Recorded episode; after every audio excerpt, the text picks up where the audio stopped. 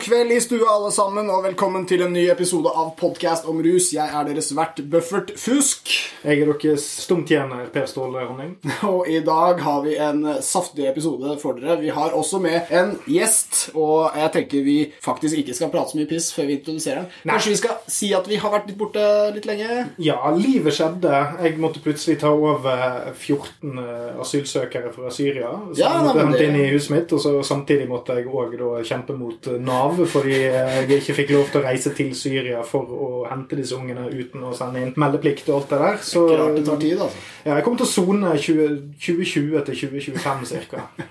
Da får vi ha vikar i perioden. Men uh, Per Ståle Lønning. Han, vi skal fly han inn fra Gran Canaria. Han er ledig, har jeg hørt. Nei, jeg for min del har bare vært på masse masse konferanser. Uh, For det er så mange av dem nå. Jeg løy nå. Men det er så mye rus som diskuteres. Hva er poenget mitt? Herregud, konferanser. Du kan jo bare bo der. Du kan jo spise all maten din der. Men Masse der, gode til det, har jeg hørt. ja, det varierer. Den veganske delen står alltid litt mye rester der. Eh, Men på konferanse har jeg også møtt den personen som vi har fått med her som gjest i dag.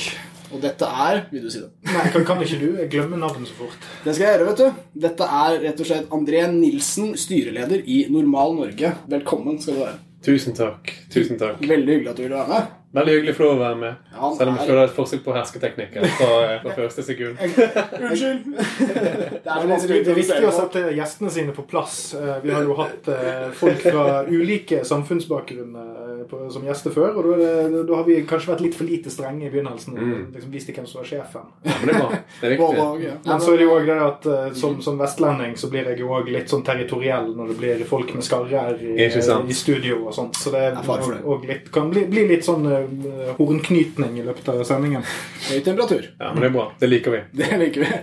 Altså, Veldig fint å ha med noen fra Normal, en organisasjon vi har nevnt mange ganger. Kanskje ikke gitt nok oppmerksomhet, men det er jo en organisasjon som har lang historie i Norge. Jeg er eh, urgammel, som alle vet, så jeg har jo også da erfaring med Normal fra mange år tilbake. Og da kan man jo litt vennlig si at det ikke alltid var så organisert, men nå føler jeg at det er det. Det er mye takket være deg og måten du er profesjonell eh, i, som aktør i offentligheten om, eh, om dette. Og jeg må si det er gode tider for Normal. Er det, er det vekst? Er det optimisme?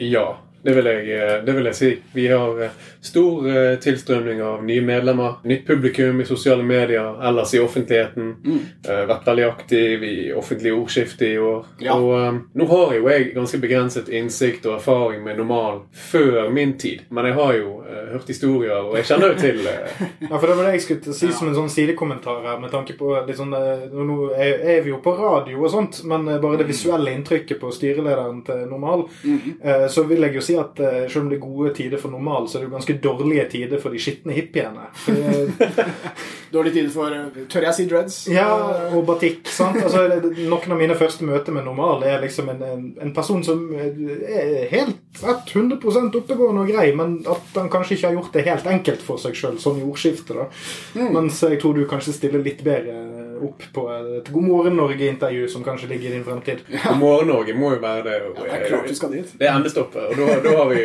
da har vi lykkes. Ja.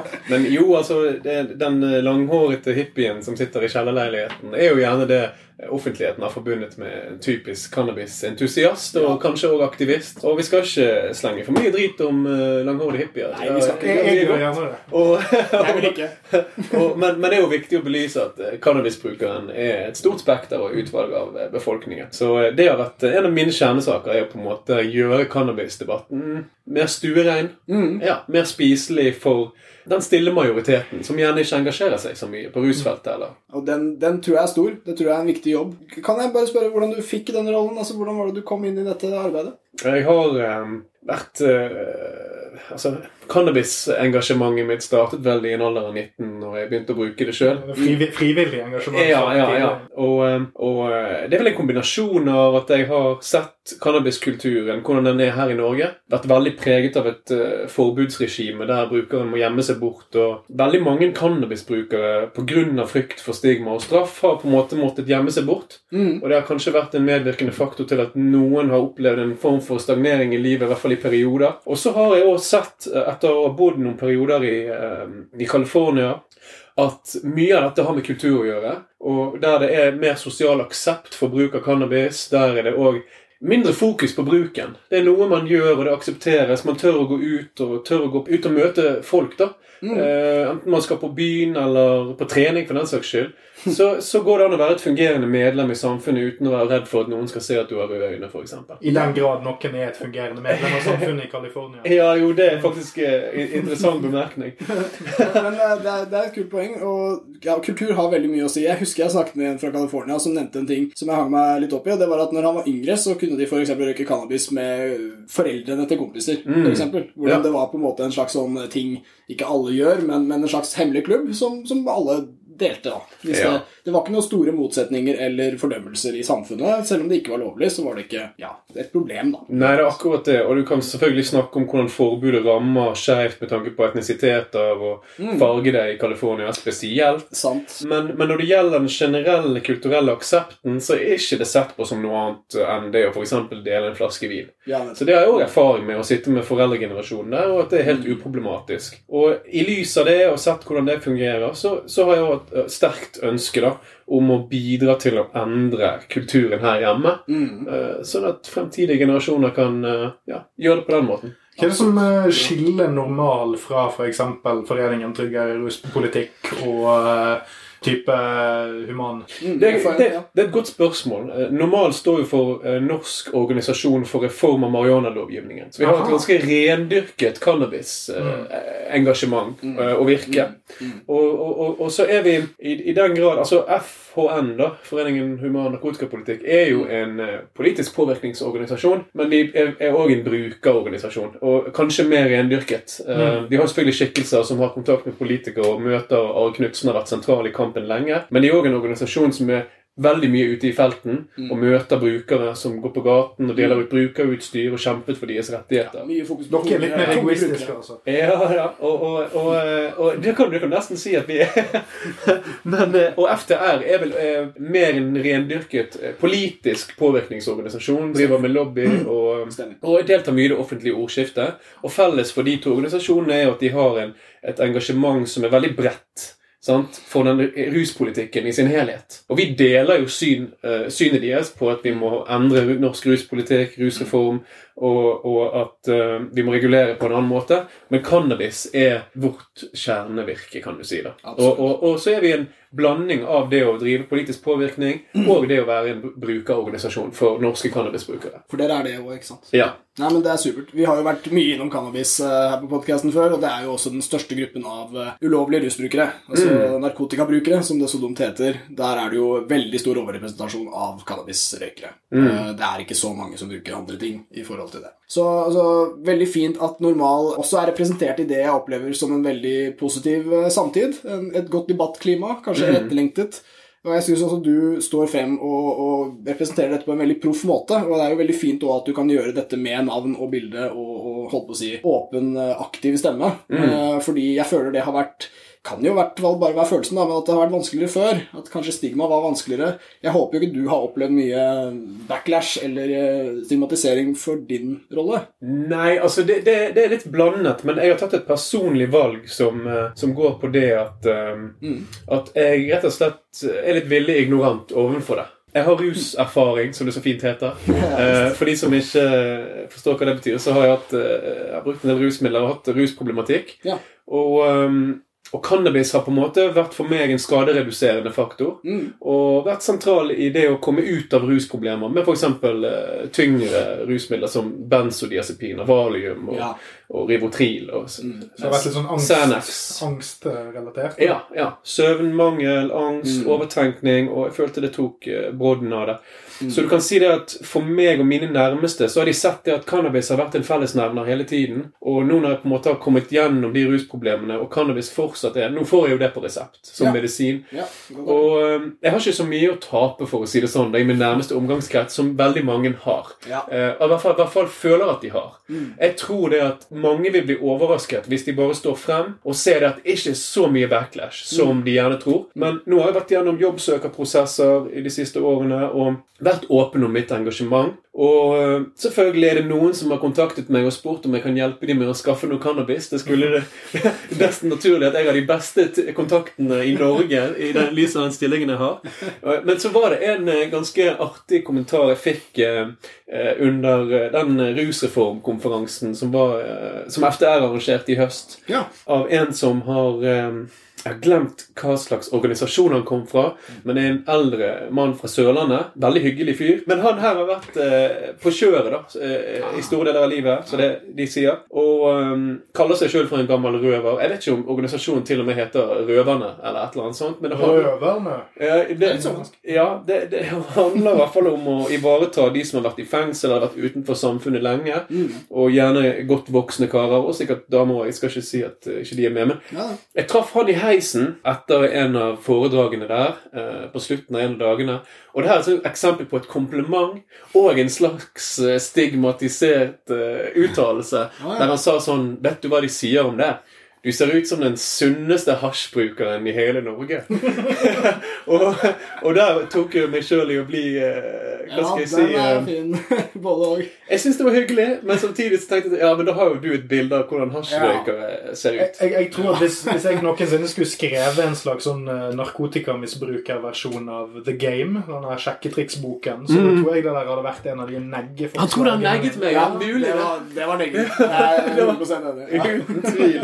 Ja, for det er altså Bare for å underbygge det altså Cannabis er jo ikke toksisk i seg selv, så at du skal på en måte bli styggere og mer sliten av det, er egentlig ikke bakt inn i stoffet. da Så det blir jo fort litt livsstil og andre faktorer som Ja. slår ut, som da er litt sånn eh, ufint, og kanskje blande med dette. Jeg fikk bare et bilde i hodet mitt av sånn, sånn Pinky fra Kaptein Sabeltann som har ramlet litt utpå på sine eldre dager. Pelle, tenker jeg. Ja, ja, jo, ja, han er glad i ostepop, eh, Pelle Pirat. Det- Sånn et, etter at rollene sluttet å komme inn. Ja. så Det vi på internasjonal sone på de syv hav. Vet du. Ja.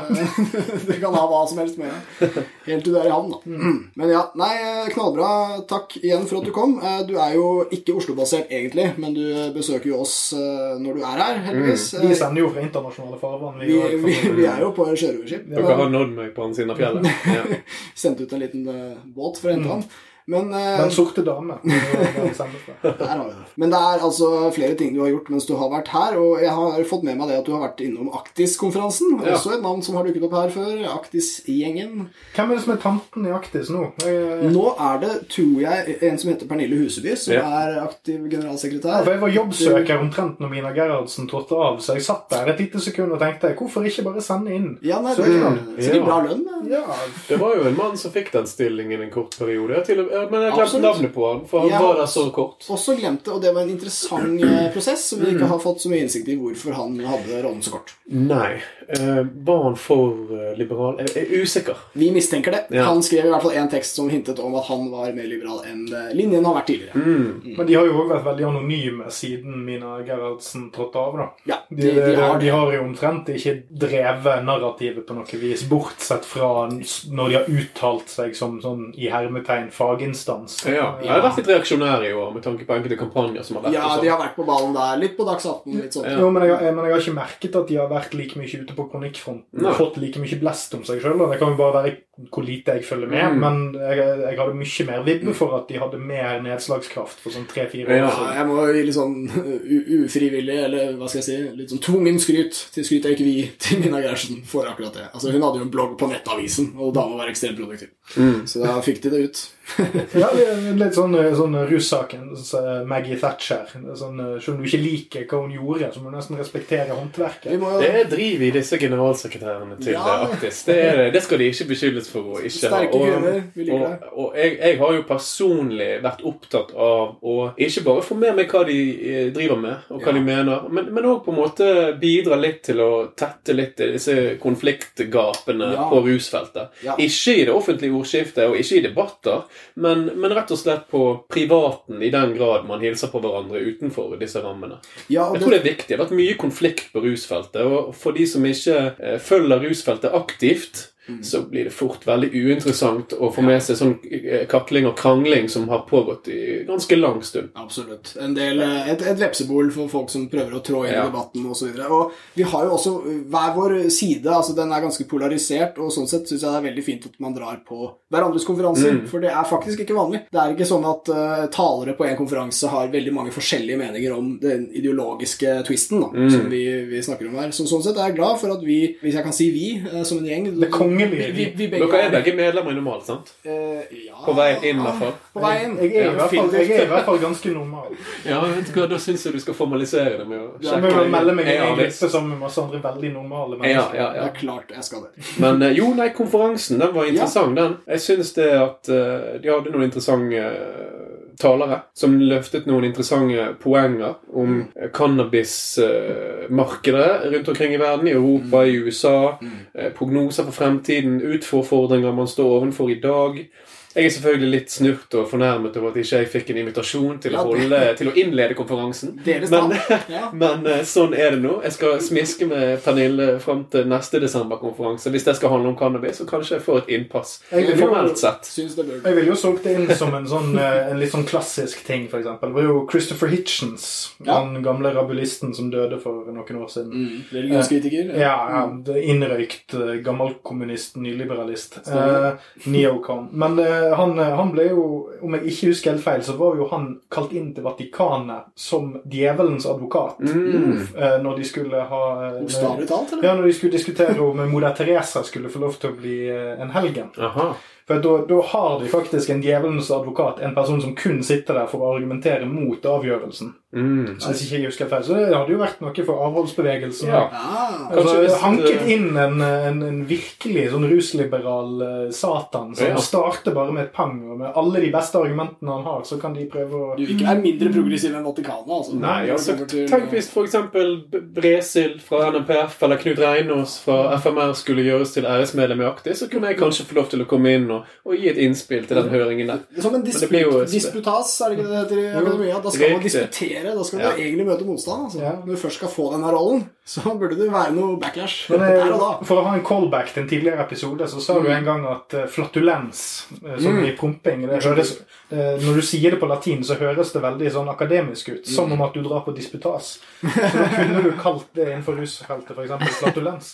Ja, Å holde en flatulens. Ja, holde en Ja, flatulens det høres for rusfeltet. saklig ut. Men nei, konferansen var bra. Det er mange gode poenger som blir tatt. Det er viktige poeng. Um, nå er jo det offentlige debatten veldig preget av forebygging unge ikke sant? ja. og rusmiddelskader ved bruk og sånt. Mm. Og jeg, jeg sa det eh, Jeg tenkte det at det var ikke mye Kanskje ingenting på den konferansen som etter min tolkning, og kanskje jeg er litt partisk og biased, kan være, men det var ikke mye som pekte mot en statlig regulering. Nei. Eh, det er risikoen som vi ser knyttet til cannabisbruk i dag, er veldig for av forbudet som føres eh, her til lands. Ja, og da, jeg, jeg lurer på en ting. Altså, du nevnte jo også det at du selv er en eh, medisinsk bruker. Og jeg Mm. tror at i befolkningen så finnes det nok mer tilgivende holdninger knyttet til sånn bruk enn til rekreasjonell bruk. Mm. Men var det noe fokus på det på konferansen? Snakket de om det spesielt? Medisinsk cannabisbruk? Ja. Ja. Det, ble, det ble tatt opp. Um, det ble snakket om selvfølgelig veldig forsiktig. Mm. Uh, det er jo ingen som på en måte vil uh, hva skal jeg si, uh, overhause de positive effektene ved cannabis på et aktivt seminar. Men det ble tatt opp, og det ble Ja, snakket om CBD sin helsebringende effekter. Kult. Det ble snakket om THC sin smertedøyvende effekter. Ja. Og spesielt bruk av CBD mot cannabisavhengighet. ja og, og, ja, veldig. Og så ble det òg snakket om, eh, om hvordan eh, faren for psykose og, og også avhengighet øker i takt med styrkegrad på THC, f.eks. Mens med CBD så blir dette redusert, Ja, ja, så bra. for, for å si det enkelt fortalt. Så det, det var ganske interessant. og Ja, De må jo bare fortsette å holde disse konferansene i Aktis hvis det målet deres må være det å sakte, men sikkert gjøre seg selv irrelevante. Ja, det, det tenker jeg. Altså, jeg tenker det at om et par år så er Aktis for en fornuftig regulering av cannabis. De òg, hvis dette fortsetter i det tempoet. Det, det kan hende. Det, det viser seg at det alle disse skitne hippiene sa, var riktig. Jo- Mer riktig enn mange av oss skulle sett for oss. svelle. Ja. Ja.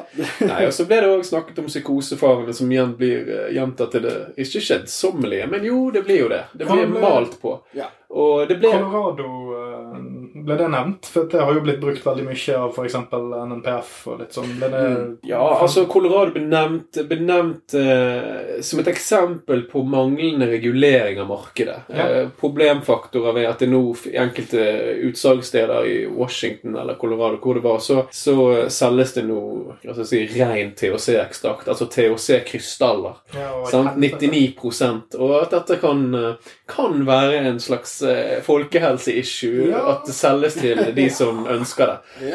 Og den kan jeg jo se.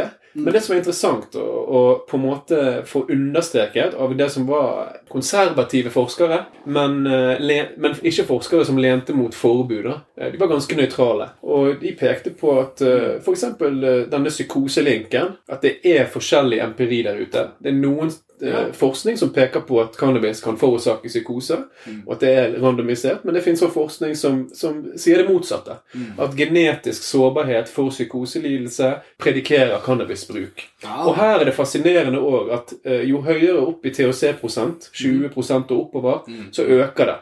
Kanskje det dobler ut ifra hva som er normalrisikoen for enhver. Så det er ikke så mye. En dobling er ikke så mye. Men eh, er du lavere, altså THC-nivå på ca. 10 og under, Ja. med høyere CBD, så går det faktisk risikoen ned. Ja, Det er ganske interessant. Det er det. Ja, det er jo, det er jo det er delen av feltet der som er veldig vanskelig å snakke om pga. at vi ikke har en sånn forent front Mhm. i Vesten en gang på hvordan vi ruller ut ulike sånn Ja, så du har jo Nederland og Portugal og eh, Mm. Ja. USA som egentlig er de eneste landene som vi kan sammenligne og sånn. Mm. Men, men det er jo en tanke som slo meg når du snakket om det nå, er jo altså For eksempel har jeg aldri sett om, om de har eh, vurdert eksempel antallet som får angst eller angstanfall og psykose av, av høyt eh, cannabisforbruk eh, kontra det om de ikke hadde gjort det. Mm. Altså, sånn, ha, altså, det er jo en veldig Ja. tricky måte å samle data på. Men sånn, sånn eh, Ok, la oss si at x antall prosent av de som røyker for mye, da, Ja. får psykose. Men hvor mange av eh, den generelle befolkningen er det som får det, hadde, får det trigget av helt andre ting, Ja. som de da kanskje kunne gjort mindre av hvis de røykte? Ja, og eh, Jeg husker ikke nøyaktig hvem som kom med det, men det ble jo også nevnt det at uh, røyk, uh, Ja. sigaretter, Ja. tredobler faren for psykose. Ja, det er jo litt artig at de sier på Og- Aktis. Og, og her i Norge òg blander jo man uh, mye sigaretter, sant? Uh, tobakk med cannabisen. Mm. Absolutt. Og det er jo noe som kan få hjertet til å slå fortere. Så har du, får du litt Kvelningseffekt, og- Så, ja, det kan bli litt en selvforsterkende effekt i hvordan hjerte og puls reagerer på den Ja.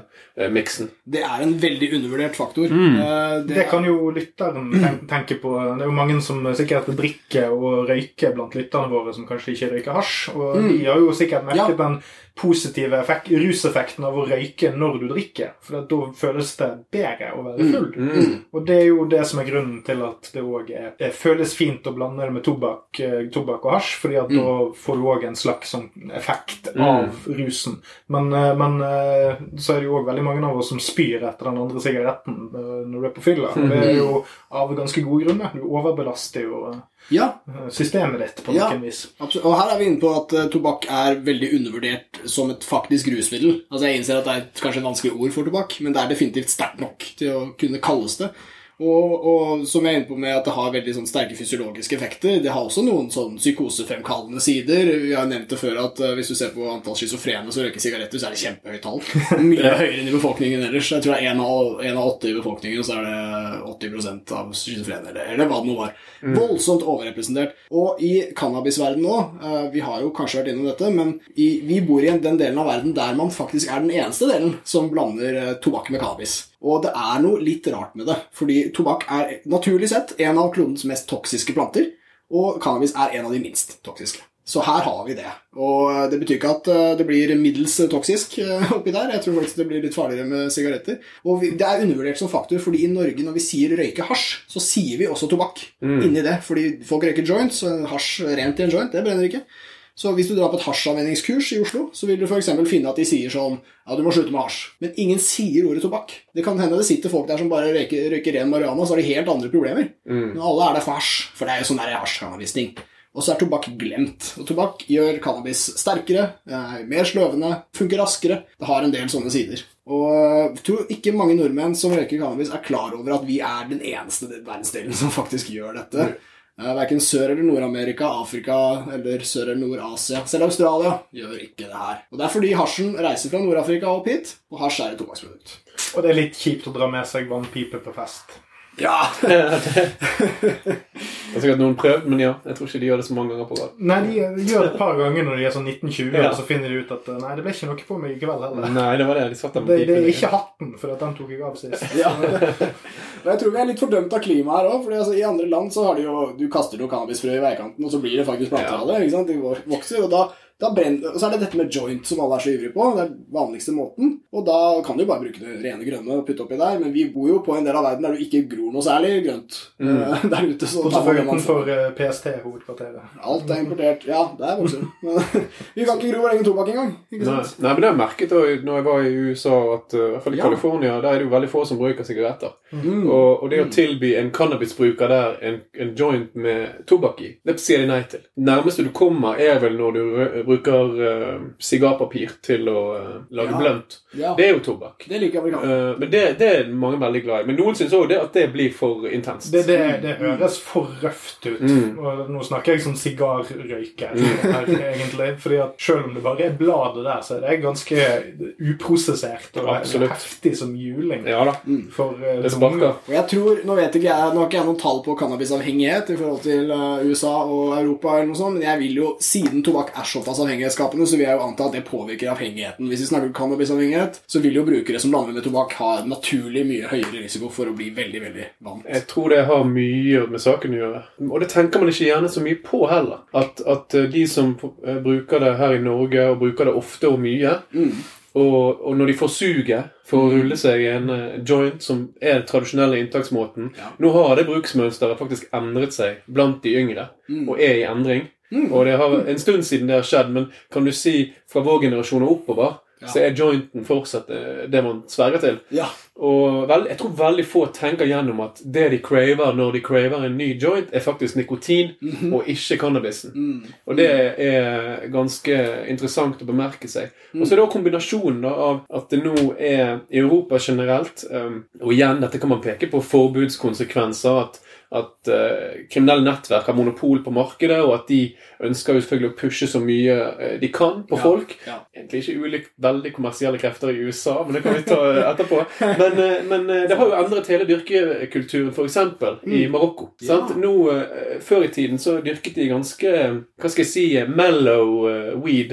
Altså lavere THC-innhold, kanskje høyere CBD, som ble sendt til Europa i hasjform eller òg i grønn form, holdt jeg på å si. Mm, Og, og nå er det nesten bare skunk som dyrkes. Aha. Og i Storbritannia nå er det nesten bare skunk å få tak i. Altså Stem. veldig høypotent cannabis med nesten ingen CBD. Veldig høy THC. Psykoserisk. Ja, og blander du det med tobakk, så har du en, eh, noe som fordrer mer avhengighet statistisk sett enn andre typer. Og de gjør det i England. De putter tobakk i den. Oh, ja, det gjør de. Det gjør de. Ja. Og, og det, er, det er fascinerende. Dette har jeg også hørt. Altså, de har mye mer psykoser, eh, dessverre, i, i England og Storbritannia. Og det er, av en eller annen grunn har de et cannabismarked der skunk-varianter har tatt helt over. Hvor det er det man finner. Og det er ikke for nybegynnere, for å si det sånn. Det er rett og slett eh, noe som selv erfarne brukere er ofte er litt forsiktige med. Uten å eh, sånn oversnakke her, så lurer jeg på om, om, eh, om problemmiljøene i England og sånt er litt knyttet til disse her sånn arbeiderklasseområdene Ja med problemrøykere. Eh, og det er jo òg tilknyttet en ganske heavy sånn partykultur. Heavy alkoholkultur, Ja, ja, sant? ja. Så, så det, det er jo òg litt sånn som man ser, eh, eller har sett i Norge òg, vil jeg tippe at det er litt sammenlignbart. At det er hovedsakelig rusjaget som, Ja. som setter rammene for, for rusopplevelsen, og ikke at du skal oppleve noe og Nei. så ha det fint. Det, Det det, at det er gøy å være fucket. det er et godt poeng. Og, og jeg tror enten vi snakker lovlige markeder i USA eller ulovlige markeder her i Europa og i Norge, så er det de som står for mesteparten av omsetningen. Altså forbruket er jo de som bruker mest og har brukt lengst. Og de har gjerne òg en toleranse som gjør at de eh, higer etter mer potent, for da får de den ruseffekten de ønsker. Kanskje de tåler det noen ganger bedre òg, mens en som debuterer, vil få en mer intens opplevelse. Og Ja, ikke minst. eh, Mm. Og så er det jo også det at hvis du allerede har et Hvis du starter veldig heavy og Mm. klarer deg bra med det, og så kjører du heavy derifra og ut Ja. som en sånn macho-greie, Mm. så er jo du da med å danne kultur rundt hvordan Ja. blir introdusert. Sånn Så som da weeder de jo ut de som er for svake til å henge med. Riktig. Og så kan de heller bare få seg en noia første kvelden. Og Det så fortelle de barnebarna om hvordan de aldri må prøve det. Weeded you ut var en fin Mm. pønn, forresten. Men uh, Jeg gjør mitt beste. det var, det var, det, men det var interessant å, å, å få servert òg på konferansen til Aktis i går at eh, en av forskerne der fremla uh, det vi mangler i Norge og i England og ellers i ulovlige land, eh, der cannabis er ulovlig, det er et offentlige anbefalinger rundt tryggere konsum av et rusmiddel. Mm. Og i Norge så har man f.eks. Uh, uttalt offentlig at uh, drikk ikke alkohol for helsens skyld. Eh, og det er jo et greit sted å begynne.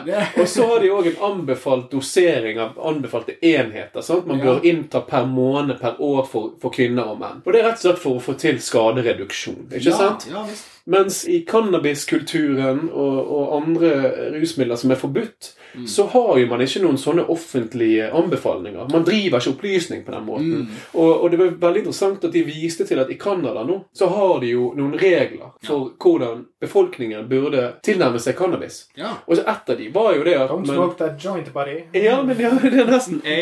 Men, Don't men, eh, men, eh, ja, men en av de første, en av de første uh, rådene der er faktisk ikke just say no, men at cannabis har en risiko tilknyttet seg som er best avoided by not using. Men hvis du skal bruke, Mm. så bør du bruke sjeldent. Du bør søke mildere sorter. Ja. Ikke sant? Mm. For å unngå skadepotensialet. Mm. Og nå ser vi, som jeg nevnte i Europa, at eh, ba- bare tilgangen til mildere sorter er jo nesten ikke-eksisterende. Mm. Og vil nok bare bli mer og mer erodert vekk Mm. eh, i tiden fremover. Med mindre vi gjør en endring. Veldig sant. Veldig sant. Det har jo for så vidt vært en bekymring eh, fra denne podkasten sin side hvis vi får mer eh, legaliserte former, da, at Ja. det skal være påvirket av Vi er jo inne i en ganske sånn eh, brei høyrebølge internasjonalt. Mm. Mm. Der det er pengeinteresse egentlig som driver veldig mye av utviklingen vår. Samtidig som at vi har en liberaliseringsbølge som ofte òg har en, en sentrum-høyre-dreining, som er litt sånn creepy. Så Ja. det er jo lurt å da sitte på andre siden og tenke nei, det er ikke, det er ikke pengene først og fremst som er viktig. Ja. Det, det er et godt biargument, men det er ikke hovedpoenget. Ja. Ja, og det, jeg må si det, altså, Der er jeg optimistisk når det kommer til Canadas reform. som du nevnte. Det er, det, der har de gjort et veldig grundig arbeid med hvordan dette burde presenteres informasjonsmessig. Og i USA kom jo før med det, sin medisinske legalisering, som er svært drevet av økonomi. Det at uh, medisinen deres faktisk er et marked. Og uh, det jeg tror, er at det er mange stater der ute som vil vurdere å, å regulere dette her. Kanskje gjør det allerede, men så er det det at det virker som en sånn ansvarsfraskrivelse. Ja. Eh, bruken kan øke, bruken kan bli ille, og du gjør det for penga. Det ser ikke bra ut. Men Canada, hvis det går bra i der, der, sånn som jeg tror og håper det gjør, så vil de kunne inspirere andre. Og bare for å nevne det, vi snakket jo også om at dette er en stor gruppe rusbrukere. Vi har en rapport her fra EMCDDA, som er EUs narkotikaorgan, som rett og slett følger med på disse markedene. Høres jo også ut som en sånn veldig kjip politisk korrekt versjon av MDMA. Ja, de stavde det helt feil. Eh, Men her har de gjort, en, eh, de har gjort et anslag på hvor stort cannabismarkedet er i Europa. Og husk, dette er kun Europa, og dette er kun cannabis. Hvis vi oversetter dette beløpet til eh, norske kroner, og det er med en euro eh, hva heter Ti det? kroner, så er det 10-11. 10 kroner, vi legger oss på 10 kroner, så er dette markedet på 300 000 millioner, altså 3, skal vi se, hva blir det? Det blir 300 milliarder kroner årlig. bare Europa. Bare Europa på bare én plante cannabis. Og her er det altså Det er greit det er mange land i Europa, men særlig de med tett befolkning. Der snakker vi veldig store summer altså, for disse statene, som kriminelle tar fra dem, eller som i det minste tjener godt på at statene har den politikken de Så 300 milliarder kroner. Ja. Eh, hva blir det i dollar? Det blir eh, 30, Ja, 30 milliarder dollar. Ja, Pluss minus. Sterkt dollar. Ja. Ja, og så kan vi tenke oss at eh, ja, den siste Avengers-filmen tjente en sånn litt under 3 milliarder. Bare, bare sånn hvis noen trenger noe eh, referanse, Ja, referanseramme her, så eh, si- Hollywood er rike. Ja, det er veldig rike. ja, det er ti, ti, ti Avengers-filmer i året. Bare i Europa. Bare på, bare på cannabis. Og det er, eh, som kjent så er det ingen som egentlig har skattebelagt det noe særlig i Europa, bortsett fra Nederland med deres frekke avtale med mafiaen. Ja, den er ganske spenstig. Og får jeg bare be om unnskyldning for eventuelle mattelærere der ute som eh, Ja, det samme sier jeg. sitter og fnyser av eh, hvor så dårlig hoderegning vi har. Så lett å telle nuller alltid, altså. Mm. Nei, Men, men eh, eh, du kan jo se, si det at uh, Hvis du ser på Nederland, så pleier jeg å si Jeg skal ikke gå for mye inn i det, men altså Nederlands uh, modell Jeg føler det nesten er som, no, som om noen tenkte gjennom en reform, og så skrev de den halvveis. ja. Og så, og så innførte de den. Ja. Og så manglet han både eh, hva skal jeg si, kropp og hale. Altså Det var et hode der med en inngang, men, men det ingenting annet. Har dere sett den tegningen som går denne, den, eh, Den med den hesten. den hesten, ja, som er veldig veltegnet i begynnelsen, og så på slutten så er det bare en strektegning, basically. Sånn me during a project. Ja. Og, og sånn ser rusreformen til Nederland ut. Igjen for å dra en popkulturell referanse. Hvis det sitter noen Game of Thrones-fans der ute så Som sesongen. ja. Så se for deg Game of Thrones-sesongene. Sesong 1 til 3. Ah. Veldig solid. 4 til 6 OK. Og så 6, 7, 8 der er det bare Nei, nei, jeg syns til og med 6-7 år. Men det er åtte var tragisk. Det kan vi ta en hel episode om en annen gang. Folket Men, tar den eh, referansen der. ja, Ja, den. Følg med på vår nye spin-off-podkast podcast om Essos. Game of Thrones, hva skjedde? Men, eh, men ser du på for eksempel eh, i Canada så er det jo ulike provinser med, med ulike modeller. Ja. Og jeg vet faktisk ikke, må jeg lese meg opp på, eh, hva som er tanken der. Om, om de har gitt de lokal frihet, eh, eller om det er for, rett og slett for å lære av hverandres modeller, for så å eh, standardisere en god overordnet en. Jeg jeg er usikker. Ja, ja. Men i USA så har de òg Der har de i hvert fall en helt annen måte å innføre eh, reformer på. Der eh, er det et utvalg individer eller initiativtakere som skriver en lov. Og når den loven går gjennom ulike komiteer og stemmes over, så er det det som blir reformen. Og mange lover i USA er jo på forhånd skrevet av mange idealister, men, men en del eh, Og i noen stater så ser du også at det er rett og slett cannabisbransjen cannabisbransjen eller eh, cannabisindustriinteressenter som har formulert hvordan reformen skal se ut. Og krydrer du det med denne frie markedsmodellen og individuell frihet som eh, amerikanerne elsker å bygge kulturen sin på, så får du fragmenterte måter å gjøre det på.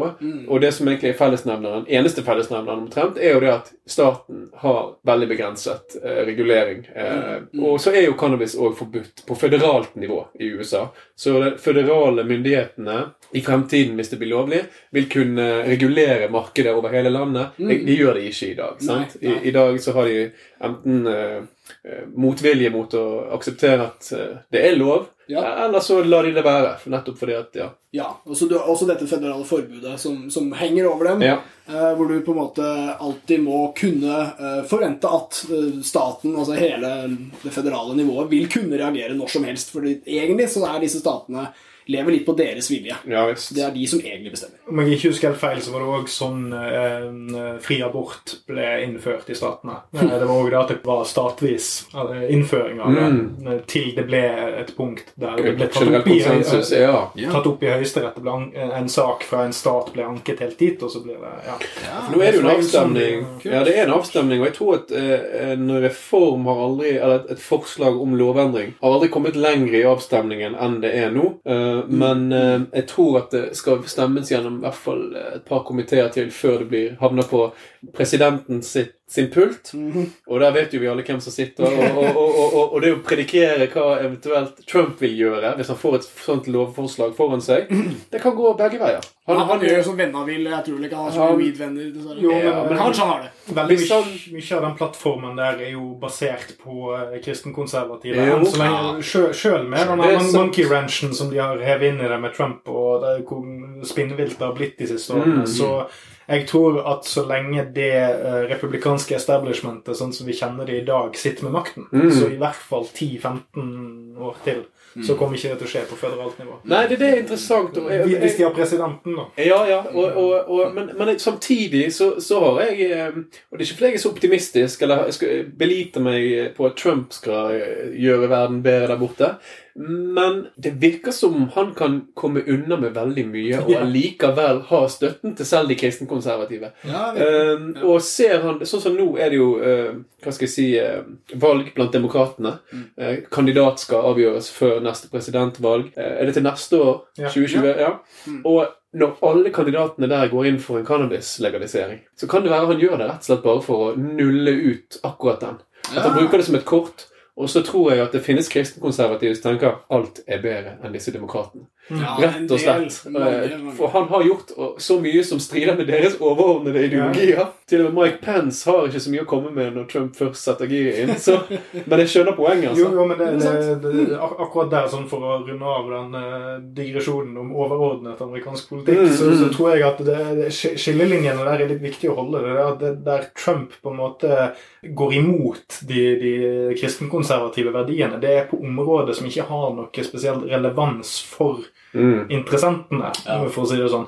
Eh, Cannabismarkedet er faktisk en utfordrer til ganske mye old money i Mm. USA, blant annet tobakksmarkedet. Ja. Og, og egentlig, altså, he, hele cannabisbevegelsen er jo òg assosiert litt med sånn eh, veldig grønne verdier, sånn generelt. Mm. Jo, det er sant. Så, så det kan eh, jeg, jeg tror ikke det vil eh, Jeg, jeg er litt, litt uenig. Mm. Jeg tror ikke det er Det er interessant, men det, det kommer jo faktisk til et punkt som ble tatt opp på konf igjen, eh, konferansen i går. Ja. At um, det begynte som en grønn grasrotbevegelse, mye ideologi. Eh, og, det som har gått litt skeis, mener mange, er jo denne overkommersialiseringen av Ja. cannabis. Ja.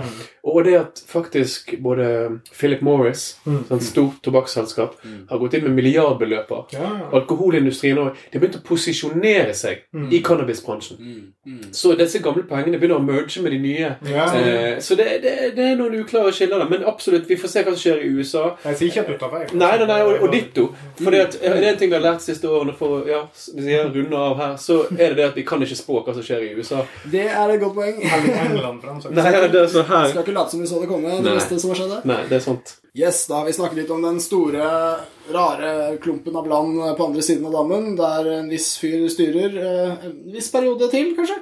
Vi får se. Men uansett, det kommer også andre ting fra USA, bortsett fra kaotiske reguleringsformer og oransje ledere. Og fascisme.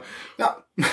Men vi har, altså, det, når vi snakket om altså Jeg var dum nok til å si at vi var på konferanse der jeg da møtte André, men dette var ikke en konferanse, det var en boklansering. Det føltes litt konferanseaktig. Det første, første gang vi traff hverandre, var på konferanse. Det stemmer. Og i går så vi hverandre. Eller du så meg, i hvert fall. Der har vi det. Det er jeg som blander litt. Jeg vil bare Men, eh, lytterne skal vite at jeg aldri har vært på en konferanse i hele mitt liv. Nei, det er, det er jomfru der. Ja, Ingen skal få plukke det kirsebæret. Ja, jeg tror jeg skal ta papp det en gang når normal har noe bra. Ja, ja, du får han. Jeg er hard to get. Men, eh, men i går var det altså en såkalt amerikaner som sto på scenen, og han har skrevet bok. Han er kjent for andre ting fra før. Michael Pollen har skrevet boken 'Psykedelisk renessanse', der han også beskriver at dette er en spennende behandlingsform for ulike former terapi. Pollen har tidligere skrevet mye om næring og mat og sånne ting. Denne gangen har han fordypet seg i forskning rundt psykedelika. Han har også forsøkt psykedelika selv. Noe som er litt sånn spennende når man er en gammel skribent. Litt sånn modig. Han hadde også vært ganske nervøs i forkant. fortalte om dette i går. Der var det veldig mye spennende om ulike former for terapi knyttet til psykedelika. Primært LSD, psilocybin, også noe om ketamin og sånne ting. Litt DMT, tror jeg. DMT, absolutt verdt å få med. Og, og der eh, gjorde Michael Pollen en ting hvor han eh, ba alle lukke øynene helt på starten, og så sa han 'rekk opp hånden hvis du har hatt en psykedelisk erfaring'. Og dette var en sal med over 500 mennesker i, basert på min ekstremt dårlige telling. Og eh, Så mellom 50 og 200. jeg garanterer mer enn 300. Uh, og da, da kikka jeg, selvfølgelig. Eh, da, Du jukset. jeg jukset. Beklager, Ja. Michael. Uh, men da var det altså utrolig mange hender i været. Og det var et interessant øyeblikk. Nå var det en- Confirmation bias, da. Ja, og, og rekke Hvem er det som drar på sånne konferanser? Og hvem eh, vil vel ikke rekke opp hånda for å være kul? Eh, Men det var altså en veldig variert gjeng. Eh, Voldsomt mye akademikere til stede. Jurister var også der. Og også denne La oss si folk som ser ut som de rusbrukerne man har sett før. Eh, Men dette var eh, utrolig spennende, og jeg lurer litt på om du Altså, Vi har vært flinke til å snakke mye om cannabis i denne episoden, og det er pga. Andrés arbeid. Men uh, har du noe tanker om det, André? Du var jo der. Du, du bryr deg om psykedelika. Tror du det kan hjelpe folk Uh, Ja, nordmenn flest, kanskje? Mm. Jeg syns det er en veldig interessant uh, diskusjon. Og jeg syns at uh, psykedelika fortjener en plass i den offentlige debatten og offentlige samtalen, ikke minst om rusmidler. Og spesielt som behandling eh, i, i, i terapeutisk virke, Ja. så, så mener jeg psykedelika absolutt har en framtid. Mm. Jeg har jo personlig, eh, som jeg nevnte innledningsvis, hatt eh, rusproblematikk. Ja. Vært rusavhengig. Og for meg har psykedelika vært en avgjørende faktor for å få bukt med problemer. Mm. Og eh, det er ganske utrolig. egentlig. å og, og observere i seg sjøl den endringen som det kan skape. Ja, for hvis vi skulle beskrevet det litt, og dette blir en overfladiske variant, selvsagt, men, men psykedelisk behandling kan i det minste med denne med disse medisinske metodene. Altså Hvis man bruker dette på fest med venner, så kan det bli noe litt annet. Men det, det gir, ser jo ut til å gi brukerne en mulighet til å se litt på livet sitt fra en annen vinkel. Ja. eller noe sånt. Ja. Altså Du kan se på dine vaner og mønstre, og så kan du være litt selvkritisk og kanskje se på ting på nye måter. Ja. Og avhengighet kan da eh, nyanseres. Ja, muligens. altså avhengighet Det ligger jo litt i ordet, sant? at man er avhengig av noe. Ja. Man har en, eh, en eh, personlig overbevisning, Mm. og den kan òg være fysiologisk forankret, ikke sant? Ja, ja, ja. Eh, om at man trenger en gitt substans for å f.eks. fungere i hverdagen. Ja. Sånn som for meg benzo og piller. Ja. Eh, hodet òg i perioder. Eh, ikke meningen å rime. Men, eh, men, eh, Det høres men ut som eh, ja, sant. nå i høst. Jeg, jeg prøver ikke å freestyle akkurat nå. Men, eh, men eh, det var i hvert fall det eh, for meg. Og det var da i en lang stund. Og lenge følte jeg at det fungerte for meg. For meg var det litt sånn the missing link. Sant? Det, eh, jeg følte i begynnelsen at det tok vekk mye usikkerhet, mye overtenkning, som gjorde at jeg fikk en subjektiv opplevelse av å fungere bedre i hverdagen. Og fikk vel egentlig eh, kom på andre tanker når jeg følte sterkt på at mitt overforbruk og misbruk eh, gjorde at jeg fikk noen eh, veldig uheldige og upraktiske bivirkninger. Kognitive utfordringer. Eh, mye hukommelsestap. Akkurat. Eh, mistet samtaletråden uh, i en jobb der jeg var uh, teamleder for en uh, salgsstyrke. Og driver opplæring der. Så er ikke det så heldig å glemme hva man snakker om når man skal prøve å formidle kunnskap. Nei, nei, nei. Spørs hva man skal selge. Det, ja. det er helt sant. Helt sant. Det, det, Det er Alzheimers medisin, så er det kanskje bra. alt er relativt. Men, men, men da skjønte jeg at dette her var et problem. og Ja. jeg har brukt cannabis, og hadde brukt cannabis så å si for de samme problemene, og hatt opphold med det pga. at jeg følte det på samfunnet, stigma og forventning om at dette kan man jo ikke bruke over tid eh, resten av livet. Så det var faktisk i en rusfri hermetegn, rusfri periode da, at jeg begynte å bruke benzo. Men eh, når jeg prøvde å slutte med benzo etter et par års avhengighet og misbruk, og kjente på abstinenser, fysiske abstinenser, Ja. som jeg ikke noen gang hadde vært borti før.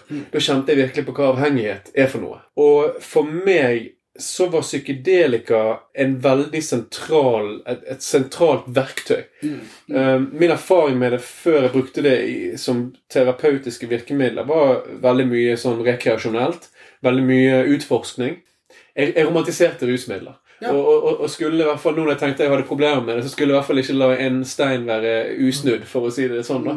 Eh, Så jeg skulle prøve alt. ikke sant? Og oppleve og kjenne hva, hvor langt kan man tøye bevisstheten. Og hvordan kan den endres. Og, og psykedelika var en av de tingene jeg fant så veldig interessant. fordi at der og da, når du tar det, f.eks. Eh, psilocybinsopp eller LSD, så havner du i en helt spesiell tilstand. Hvor du, i hvert fall jeg opplevde, og, og mange andre opplever, en, en veldig objektiv opplevelse av seg sjøl og en slags erodering av egoet som gjør at opplevelsen av jeg blir til vi. Så mindre usikkerhet, mindre selvsentrert fokus, mer aksept for eh, alt. Mm. Og at alt har en sammenheng. Og at eh, de følelsene og tankene som drev min avhengighet, eh, ikke var like tilstedeværende. Ja. Så jeg kunne akseptere min egen usikkerhet. Jeg kunne kjenne på å, å være i øyeblikket. Sånn som man, mange snakker om gjennom mindfulness og meditering. sant? Ja, ja. Være i øyeblikket uten å tenke fremover eller tilbake. Riktig. Ikke fundere eller bekymre seg. Og psykedelika brakte meg veldig til her og nå. Og det kjente jeg på at her er det noe.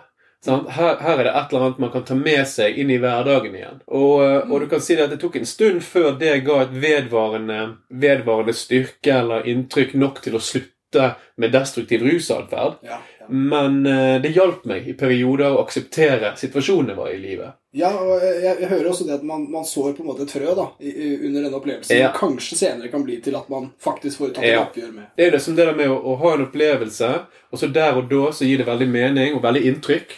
Og så er det veldig fort gjort å, eh, når det er over, vende tilbake igjen til hverdagen. Egoet returnerer på en måte, og så gjør man de samme feilene. Men man har alltid i bakhodet at det er mulig å ta en annen tilnærming. Ja, ja, det fins en annen vei.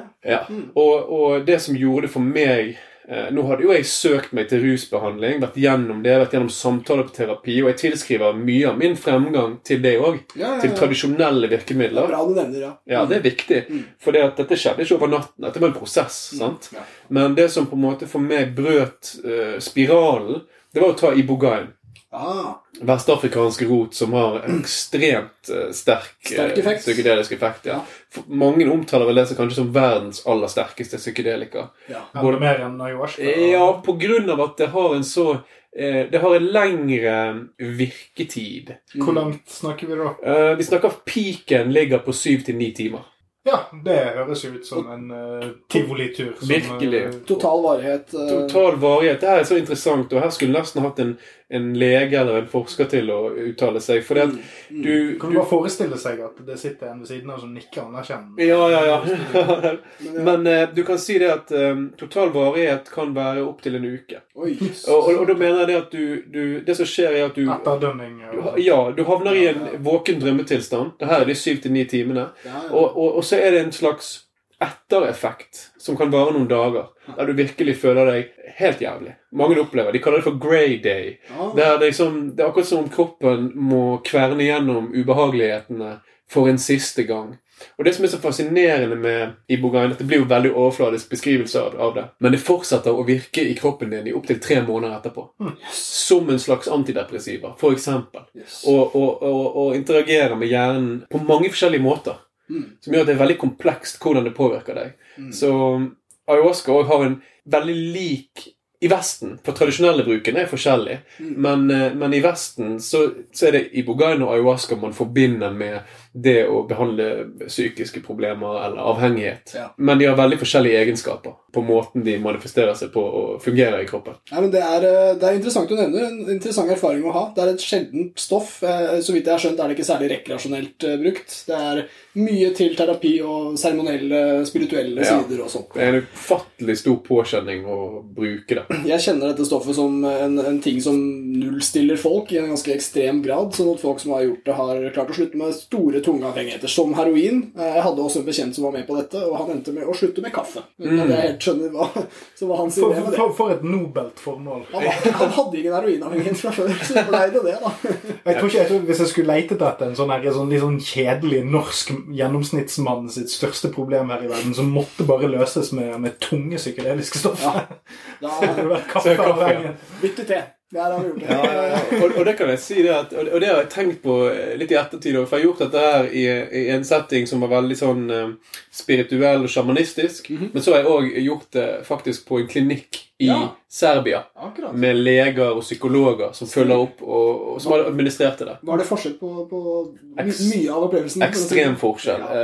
Uh, Men Jeg kan jo se for meg at det ikke er helt heldig å ha masse folk i hvite frakker som snakker østeuropeisk. Sterkt østeuropeisk aksent. det, det, det, Ja, intuitivt så ser jeg den. Det sånn men, eh, båndskurk. Men det var faktisk uh, ganske betryggende. Uh, og det er som sagt en påkjenning. I Bogain, Grunnen til at veldig få snakker om det, også nå når den psykedeliske renessansen er på fremmarsj, Ja. er fordi at Ibogan har en risikoprofil som er ganske alvorlig, egentlig. Ja, for ja. bare, bare, bare liksom tidsperspektivet vi snakker om her. Ja, og- Får meg til å tenke litt. Ja, Ja, og- jeg har også og- hørt at folk, folk har dødd av det, Ja. og så er det litt uklart hvorfor. Fysiologiske effekter eh, kan være være veldig intense. Og for noen med underliggende hjertefeil, for eksempel, så kan det trigge hjertestans. Og det Ja. har det gjort. Det er det? Ok. Ja, og, og, og noen går inn i dette I Vesten så har det bruk til å uh, Blir det brukt mot avhengighet. sant? Ja. Alvorlig eh, avhengighet. Og det var sånn for meg òg. For meg var det Ibrogain eller et liv i avhengighet som kommer til å føre til en overdosedød. var sånn jeg tenkte på det der og da. Ja, ja. Så for meg var det litt sånn at dette gjør jeg som en siste utvei. Og da er det viktig at du gjør uh, forberedelsene korrekt. Og det gjorde jeg ikke første gangen. Så første gangen kunne det gått skikkelig skeis. For jeg uh, fulgte ingen uh, anbefalinger eller hva skal jeg si, prosedyrer som jeg ble instruert til. Mens andre gangen gjorde jeg det. Og det var på den klinikken. Og så kan du si det òg at jeg gikk inn i det første gangen med masse issues. Andre gangen var mer sånn forebyggende gjennomføring, der jeg hadde mye mindre ubearbeidet i meg. Og var på et helt annet sted i livet. Jeg var, hadde det egentlig ja, ok. Var kanskje på vei litt inn i depresjon igjen, men på ingen måte sam, på samme som første gangen. Hvor jeg var helt kaotisk, ruset når jeg ankom behandlingsstedet, og ikke under oppsyn av noe legepersonell eller noe. Skjønner. Så det har mye å si, og jeg har lært også av bl.a. han Andreas Wahl Blomkvist at det har en sånn det kan, det kan ha det de kaller for jeg tror det heter kardiotoksisitet. Ja. Altså at det kan påvirke hjerterytmen og kan provosere hjertestans. Akkurat. Eh, Andreas Wold Blomkvist er lege bl.a. i FDR og også i den nye Norsk psykedelisk vitenskapsforening. Ja. Ikke han som driver eh, Folkeopplysningen. Som Nei, Andreas Wahl. Kun Andreas Wahl. Det er det han, ja. ja. Eh, Navnebror på både fornavn og etternavn. Altfor likt. Men uh, la meg bare ta en, en, en kjapp sånn kommentar slash anekdote slash tankespinn rundt uh, dette med psykedelika som mm. rusperspektiv. da. På med. Ja. For det som er litt sånn interessant når du snakker om det, er at du både kommer fra et ganske reflektert eh, og belest, altså du er sånn ganske greit akademisk oppegående person. Angående dine egne problemer, selv om du kanskje ikke var det når du var midt oppi det. Så, så når jeg hører deg snakke, og, og, og når vi snakker i denne podkasten generelt om psykedelika, så har jeg prøvd å formulere noe som, som på en måte motvirke denne her opphaussingen av alle de positive effektene. For jeg synes at, Som vi snakket om litt med hasj i sted, og litt sånn, er jo at det er viktig å være ærlig som det du var nå med disse hjerteproblemene. På potensielle skadevirkninger og sånt. Ja. Og en av de tingene jeg har begynt å henge meg veldig opp i, er det som kommer til å være en gjenganger, er litt at de positive effektene man får av psykedelika, ser ut til eh, å komme litt fra at du har prøvd det lenge nok. Mm. Og at det på en måte er en slags sånn kanarifugl i kullgruven. Eh, tanken er at de, de som begynner å bevege seg inn i psykedelika, de en, de er jo litt søkende. De har jo lyst til å få noen ting på plass. Eh, men det å komme til det punktet der at man tåler en 9-12 timers hard session med en av de mest sinnssyke psykedeliske stoffene ever, og så klare en uke-ish med, med hangover etterpå, det er et ganske psykologisk privilegert sted å være. Ja. Uh, Og jeg har også tenkt på dette når vi har snakket litt om ayahuasca, som også har litt den samme Det er jo så- snakk om sånn 10-12 timer intensiv rus, Ja. i hvert fall. Igjen og igjen. Drikker ja, Ja. flere omganger. Ja.